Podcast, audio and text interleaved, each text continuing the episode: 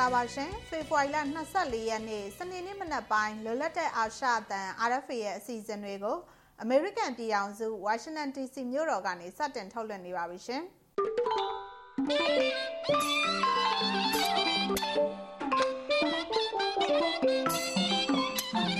ကျမဝေမာထုံးပါရှင်ဒီနေ့မနက်အစီအစဉ်မှာနောက်ဆုံးရသတင်းတွေနဲ့အတူအဲဇင်းတိုင်မို့ထိုင်းအစိုးရကအမိန့်ထုတ်လိုက်တာဟာ နိုင်ငံရေးအရခိုလုံတဲ့မြန်မာနိုင်ငံသားတွေကိုဖိနှိပ်ရာရောက်တယ်လို့ထိုင်းရောက်မြန်မာတွေပြောတဲ့အကြောင်းတင်ပြချက်အပါအဝင်မွန်တိုင်းသားဘာသာအစီအစဉ်ကိုထုတ်လွှင့်မှုပြင်ဆင်ထားပါတယ်ရှင်။အခုတော့သတင်းတွေကိုအရင်ဆုံးထုတ်လွှင့်ပါမယ်ရှင်။ရခိုင်ပြည်နယ်အခြေဆိုင်သတင်းတောက်ကိုမြတ်သူထုံးခေါ်ဖိုးတီဟာတပ်ဖြတ်ခံရမှုကိုစုံစမ်းစစ်ဆေးဖို့နဲ့မြန်မာစစ်ကောင်စီရဲ့ဒီလိုတပ်ဖြတ်မှုတွေကိုဖိအားပေးဟန့်တားဖို့ နယ်စည်းမခြားသတင်းတောက်များအဖွဲ့ RSF ကဖေဖော်ဝါရီလ23ရက်နေ့မှာနိုင်ငံတကာကိုတောင်းဆိုလိုက်ပါတယ်။သတင်းသမားတွေအပေါ်မြန်မာစစ်ကောင်စီရဲ့အကြမ်းဖက်မှုတွေရပ်တန့်ရေးနဲ့ဖမ်းဆီးထားတဲ့သတင်းသမား62ယောက်အမြန်ဆုံးလွတ်မြောက်ရေးဖိအားပေးဖို့နိုင်ငံတကာအတိုင်းဝိုင်းကိုတိုက်တွန်းလိုက်တာပါ။ကိုမြတ်သူထွန်းဟာစစ်တပ်အာဏာသိမ်းပြီးတဲ့နောက်ပိုင်းတပ်ဖြတ်ခံရတဲ့9ယောက်မြောက်သတင်းတောက်ဖြစ်ပါတယ်ရှင်။ ရခိုင်ပြည်နယ်မောင်နှောမြို့ကစစ်ကောင်စီရဲ့ရန်အောင်ပြင်ကင်းစခန်းကိုဖေဖော်ဝါရီလ23ရက်နေ့မနေ့မနက်ပိုင်းမှာသိမ်းပိုက်နိုင်ခဲ့တယ်လို့ရခိုင်တပ်တော် AA ကသတင်းထုတ်ပြန်ပါတယ်။မောင်နှောမြို့တဝိုက်ကစစ်ကောင်စီရဲ့လက်ကျန်စခန်းတွေကိုလည်းဆက်လက်ထိုးစစ်ဆင်တိုက်ခိုက်နေတယ်လို့ထုတ်ပြန်ထားပါတယ်။ မင်းပြမြို့မှာတခုတည်းကြံနေတဲ့စစ်ကောင်စီရဲ့အမှတ်6တိုင်းပဟိုလေးကျင်ရေးတင်နန်းကျောင်းကိုတိမ့်ပိုက်နိုင်မှု6ရက်မြောက်အဖြစ်ထိုးစစ်ဆင်တိုက်ခိုက်နေတယ်လို့ပုံနှကျွန်းမြို့ကခမရ993ကိုလည်းတိုက်ခိုက်နေတယ်လို့ထုတ်ပြန်ချက်မှာဖော်ပြထားပါတယ်။ ကရင်ပြည်နယ်ကော့ဂရိတ်မြို့မှာဖေဖော်ဝါရီလ22ရက်နေ့ကမြို့ရင်းရက်ကွက်နှစ်ခုကိုစစ်ကောင်စီတပ်ကမီးရှို့တာဒရုန်းနဲ့ဘုံကျဲတိုက်ခိုက်တာကြောင့်နေအိမ်တရာလောက်ထပ်မံမီးလောင်ဆုံးရှုံးခဲ့ပါတယ်။စစ်ကောင်စီတပ်ရဲ့ခလာရ69တပ်ရင်းကလှုပ်ဆောင်ခဲ့တာလို့မျက်မြင်တွေ့ခဲ့ရတဲ့ဒေသခံတယောက်ကပြောပါတယ်။ကော့ဂရိတ်မြို့မှာစစ်ကောင်စီတပ်နဲ့ KNN ပူးပေါင်းတပ်ဖွဲ့တွေနှစ်ဖက်တိုက်ပွဲတွေပြင်းထန်နေပါတယ်။ တိုက်ပွဲကာလ2လနီးပါးအတွင်းနေအိမ်400နီးပါးမီးလောင်ပျက်စီးခဲ့ပြီးတော့လူ20ခန့်သေဆုံးခဲ့တယ်လို့ဒဏ်ရာရသူ20ကျော်ရှိနေပြီလို့စစ်ပေးဒုက္ခသည်တွေကိုကူညီနေသူတွေကပြောပါတယ်ရှင်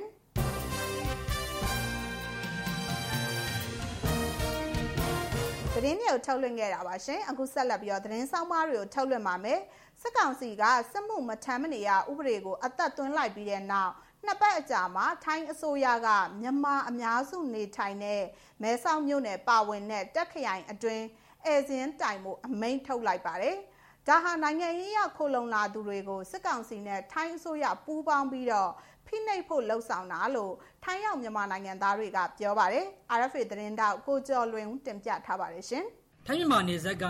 ရွှေပြောင်းအလုပ်သမားတွေနိုင်ငံရေးသမားတွေတက်ကြွလှုပ်ရှားသူတွေအများဆုံးခိုလုံနေတဲ့ မဲဆောက်မြို့နယ်ပါဝင်တဲ့တက်ခရိုင်တွင်းကမြို့နယ်ကိုခုမှာမဖြစ်မနေအဲစင်းတိုင်ကြားရမယ်လို့အိမ်ပိုင်ရှင်တွေဟိုတယ်တာဝန်ရှိသူတွေအိမ်ငန်းငါးသမားတွေကိုထိုင်းလူဝင်မှုကြီးကြပ်ရေးအာဏာပိုင်တွေကဖေဖော်ဝါရီလ22ရက်နေ့မှာအမိန့်ထုတ်ညွှန်ကြားလိုက်ပါတယ်။ထိုင်းနိုင်ငံမှာအဲစင်းတိုင်ကြားခိုင်းတာဟာအနည်း20ကျော်အတွင်းပထမဆုံးကြုံရတာလို့ရွှေပြောင်းလူသမားတွေကိုအကူအညီပေးနေတဲ့ထိုင်းအခြေဆိုင်မြန်မာပြည်သားအရေးပူးတွဲလှုပ်ရှားမှုကော်မတီဥက္ကဋ္ဌဦးမူဂျိုးကပြောပါတယ်။မြန်မာစစ်ဆိုးရနဲ့ထိုင်းစစ်တပိုင်းဆိုးရနဲ့ သူတို့လဝါချင်းရိုက်ပြီးတော့ဟန်တဲ့ညီညီလုံနေတယ်လို့တော့ထင်ရလောက်အောင်လုံကွက်တွေလုံနီးလောက်ကနေတူနေတယ်သို့တော့မြန်မာနိုင်ငံအကျင့်တွေကထိုင်းဟိုပါအိမ်ကြီးချင်းဆိုတော့တွားပြီးကူးဆက်ပုံရတယ်ပြောဆိုဥရအတွေ့အကြုံညာနှစ်20ကျော်အတွင်းမှာဒီမဲဆောက်ပါဝယ်တက်ခဲကိုမြို့နယ်ထဲမှာအဲစင်းတိုင်ဆိုတာလုံးဝမရှိခဲ့ဘူးအဲမဲဆောက်ကနေအလုပ်သမားလက်မှတ်တွေ passport တွေနဲ့တခြားခရိုင်တွေပြည်နယ်တွေသွားတဲ့အခါမှာတော့နေကြော်သွားတာဖြစ်တဲ့အတွက်48နာရီအတွင်း နှစ်ရက်အတွင်းမှာအဲစင်းတိုင်ရတယ်ဆိုတော့ရှိတယ်ပြန်လာပြန်လာရင်ကိစ္စမရှိဘူးတက်ခရိုင်အတွင်းကအိမ်ပိုင်ရှင်တွေအိမ်ခန်းငါးပိုင်ရှင်တွေဟိုတယ်နဲ့တက်ခုခံမန်နေဂျာတွေအနေနဲ့နိုင်ငံခြားဧည့်သည်တွေလက်ခံမယ်ဆိုရင်24နာရီအတွင်းမဖြစ်မနေအဲစင်းတိုင်ရမယ်လို့ကြေညာချက်မှာဖော်ပြထားပါတယ်တက်ခရိုင်လူဝင်မှုကြီးကြပ်ရေးရုံးကိုလူကိုယ်တိုင်ဖြစ်စေအွန်လိုင်းကဖြစ်စေကောစင်တာကဖြစ်စေအဲစင်းတိုင်ကြားနိုင်တယ်လို့လည်းဆိုပါတယ်အဲစင်းတိုင်ကြားဖို့ပြက်ကတ်မယ်ဆိုရင်ထောင်ဒဏ်15ရက်ကနေတလအထိအပြစ်ပေးနိုင်တယ်လို့ဒဏ်ကြီးအဖြစ် ဘတ်9000ကနေ1000အထိပေးဆောင်ရမယ်လို့လည်းကြေညာထားပါတယ်။အရင်ကထိုင်းနိုင်ငံကိုမြောက်ဝတီမဲဆောက်အမှတ်၁ချစ်ကြည်ရေးတရားကနေခုနှစ်ရက်နေဆက်ဖြတ်တန်းခွင့်ကန့်တဲ့အလွယ်တကူဝင်ရောက်ခွင့်ရှိပေမဲ့ဖေဖော်ဝါရီလ20ရက်နေ့ကစတင်ပြီးဒီလိုဝင်လာသူတွေကိုမဲဆောက်မြို့မှာတရားဝင်နေထိုင်သူတဦးရဲ့ထောက်ခံချက်ပါမှသာဝင်ခွင့်ပေးတော့တယ်လို့ဦးမှုချိုးကပြောပါတယ်။ဒါဟာစစ်ကောင်စီကပြည်သူ့စစ်မှုထမ်းဥပဒေထုတ်ပြီးနောက်ပိုင်းထိုင်းနိုင်ငံဘက်ကပုံမတင်းကျပ်လာတာလို့ဆိုပါတယ်။ဒီလိုတင်းကျပ်လာတာကြောင့်မဲဆောက်အပါအဝင် ထိုင်းနယ်စပ်မှာစစ်အာဏာရှင်ကိုတော်လှန်ဆန့်ကျင်သူတွေနေထိုင်ဖို့ပုံမခက်ခဲလာတယ်လို့လည်းထိုင်းရောက်မြန်မာနိုင်ငံသားတွေကပြောပါတယ်။ထိုင်းနိုင်ငံမှာနေထိုင်တဲ့နိုင်ငံရေးအကျဉ်းသားဟောင်းဦးထွန်းကြည်ကနိုင်ငံရခုံလုံလာတဲ့လူတွေကိုလည်းသူတို့ကတရားမဝင်လို့ သတ်မှတ်ထားတယ်လေအဲအခက်ခဲအကြတဲ့စိန်ခေါ်မှုကတော့ကြီးတယ်အဲတလ300ပေးပြီးတော့ရက်ကလှုပ်ထားလင့်ကစားပေါ့နော်အဲလာဝကနဲ့တောမောင်းနဲ့တွေ့ရင်လည်းဖမ်းတာပဲဗျစစ်ကောင်စီနဲ့ကလည်းသူတို့ကအကိုကြီးညီလေးဆက်ဆံရေးရလည်းရှိတယ်အိမ်ရှင်တွေကအကြောင်းကြားလာပြီးဟေ့ဆိုအိမ်ထဲအထိပေါ့လာရောက်စစ်ဆေးမေးမြန်းတာတွေလည်းအဲရှိလာနိုင်တယ်အဲစင်းတိုင်ကြဖို့ညွှန်ကြားထားတဲ့တက်ခရိုင်မှာမြို့နယ်ကိုကူရှိပါတယ်အဲ့ဒီအထက်ကမဲဆောက်အုံဖန်ဖုတ်ဖရာမီရမတ်ထ ဆောင်ရန်စားတဲ့ငါးမြို့နယ်မှာလူဦးရေ၄သိန်းကျော်လောက်ရှိပြီးတက်ဝမ်ကြောက်ဝမ်အင်းမဲတော်စတဲ့လေးမြို့နယ်မှာတော့မြန်မာတသိန်းလောက်ရှိတယ်လို့ထိုင်းပြည်တွင်းသတင်းမီဒီယာတွေရဲ့အချက်အလက်တွေကိုကိုးကားပြီးဦးမှုချိုးကပြောပါတယ်စစ်ကောင်စီရဲ့ပြည်သူ့စစ်မှုထမ်းဥပဒေကြေညာပြီးနောက်ပိုင်းမြန်မာပြည်ကလူငယ်တွေဟာတရားဝင်နည်းလမ်းအပြင်တရားမဝင်နေဆက်ဖြစ်ကြော်ပြီးထိုင်းနိုင်ငံကိုဝင်ရောက်ဖို့ကြိုးစားနေကြတာပါနှစ်ပတ်အတွင်းမှာပဲထိုင်းနိုင်ငံတက်ခရိုင်ထဲမှာတရားမဝင်မြန်မာနိုင်ငံသား300ခန့်ဖမ်းဆီးခံထားရတယ်လို့ မြန်မာရွှေပြောင်းလူသမားစောင့်ကြည့်ရေးအဖွဲ့ကလည်း RFA ကိုပြောထားပါတယ်ခင်ဗျာ RFA ကဆက်လက်ထုတ်လွှင့်နေပါတယ်ရှင်စစ်မှုမထမ်းမနေရဥပဒေကိုအတီးပြုတ်ပြီးတဲ့နောက်ပိုင်းရန်ကုန်မန္တလေးမြို့ကြီးတွေမှာအဲဇင်စစ်တာဖမ်းဆီးတာတွေပုံမလှုပ်ဆောင်လာတယ်လို့ဒေသခံတွေကပြောပါတယ်အဲဇင်းတိုင်ရတဲ့ပုံစံပြောင်းလဲလာသလိုမတင်ငါလို့ဆိုပြီးတော့အဖမ်းခံရတဲ့သူတွေလည်းမိသားစုတွေနဲ့အဆက်အသွယ်မရဖြစ်နေပါတယ်။မတ်ချူလိုက်မျိုးကဆက်ပြီးတော့ပြောပြမှာပါရှင်။ အရွယ်ရောက်သူတိုင်းစစ်မှုမထမ်းမနေရဥပဒေကိုကျင့်သုံးမယ်လို့စစ်ကောင်စီကကြေညာပြီးတဲ့နောက်မှာရန်ကုန်နဲ့မန္တလေးမြို့ကြီးတွေမှာအစင်းစစ်တာဖမ်းတာတွေပိုရှိလာတယ်လို့စုံစမ်းသိရှိရပါတယ်။ဖေဖော်ဝါရီလ18ရက်နေ့ကရန်ကုန်တိုင်းခရမ်းမြို့မှာစေယုံလာဆောင်တဲ့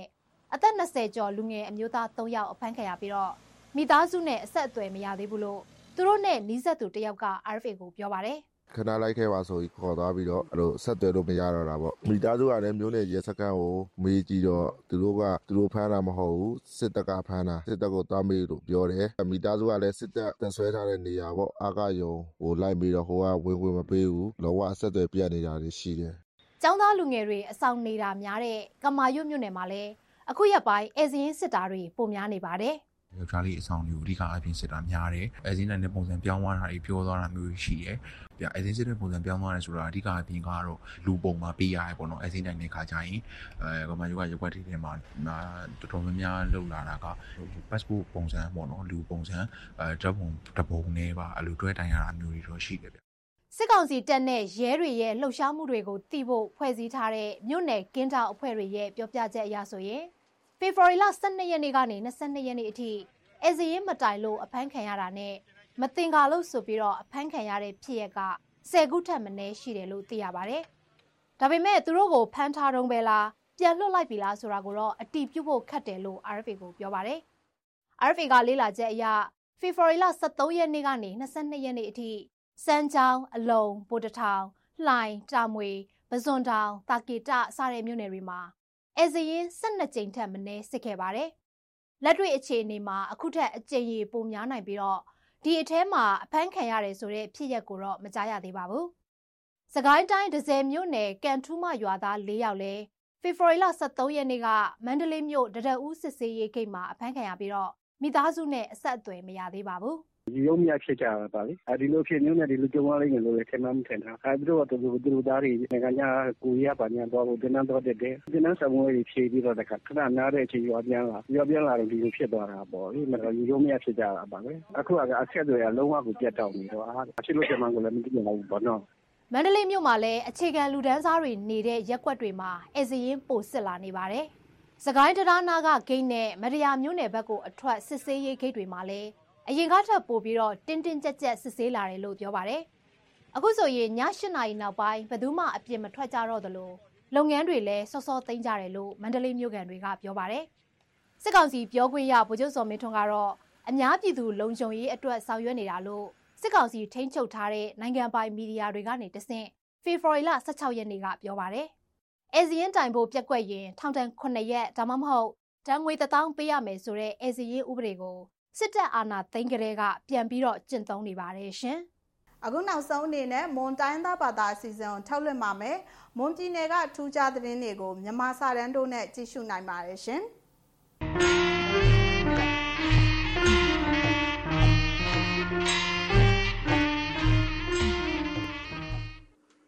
မငេတော့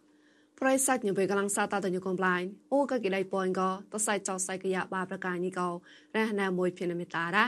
អជីចងថ្លរមសាញ់អាហ្វេផេសាមសួកសថាណោអូមិសៃថោកិតាលីយ៉ៃដផកក្លានៅកកូនពុកដៃមន្តមហតៃខរះតឡាអវិមណានតោគុកភុយម៉ងស្កងតមតនៅប្រៃណោបោះបះកនតោកូនហាក់លុយព្រៀងកលេមកឆាក់ថោបតនតបះអាកណោ ញ៉ាងគេបោបាញ់លើកលេះកងពុកដៃមិនថ្មតែក្រោះតឡាវិញមិនណានទៅសង្កណូតែងតួស្កងកមតកោគុកភួយម៉ងសមុទ្រញមេឆានហកោតកោញ៉ាងគួនតនងនោះកោតក្លែងភេផវរីសមុទ្រងបាចោហតៃផូលឡងក្លែងឡងនោះគេតានគេរ៉ា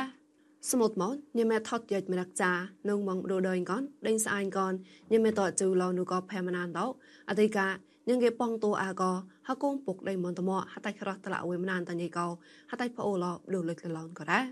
លោកកណូកុកភុយកងកមោហកងពុកដៃមន្តមោហតៃខ្រោះតឡាអវេមណានកដៃតតោញនឹងប្រមួយកោស្វកផកោកាមន្តកនហតោមនេយ៉ៃអក្រាចុះចានណានកោប៉យសោណានពវមេហេមូកោក្រោឆោតកនហកោភាសាហេរុយក្រោះព្រះហេរុយតាញអាតូតោតតោញាវខែងក្លៃតណូហមកបាសឡរ៉ា នៅកញ្ញាមេយ៉ាក្លាំងតាលយ៉ៃស្កងកមអតកតេស្វកេឆាក់ចលអាកញ៉ាតាលយ៉ៃពុកមេក្រោតអតកតោនោះក៏ Telegram ក៏អ៊ីមេតកតោកេឆាក់ក៏ក្រានម៉ាងមនោកលេកែលុកកំរោ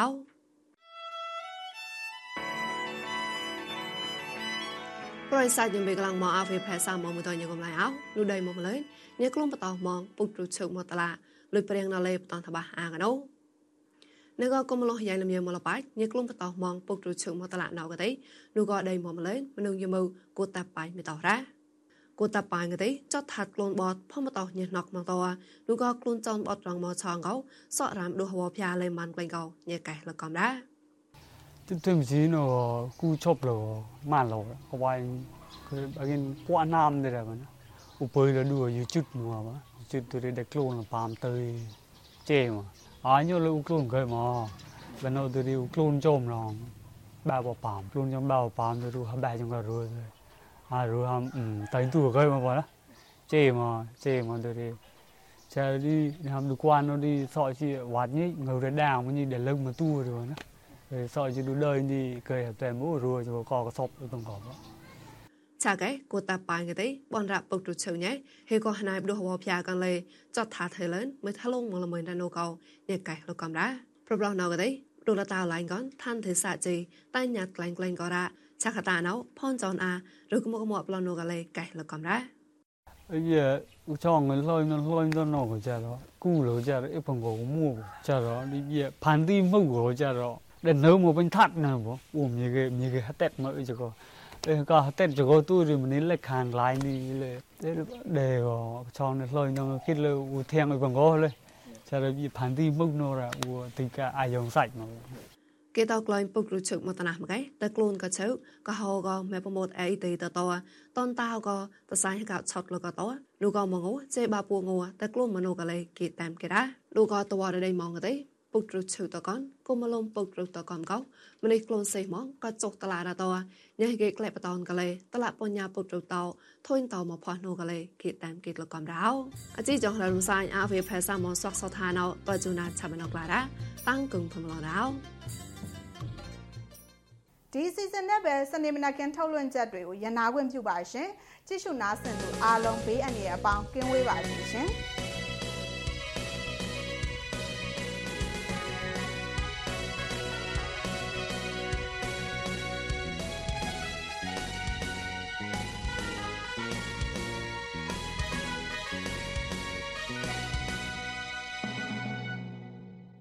have been listening to Radio Free Asia.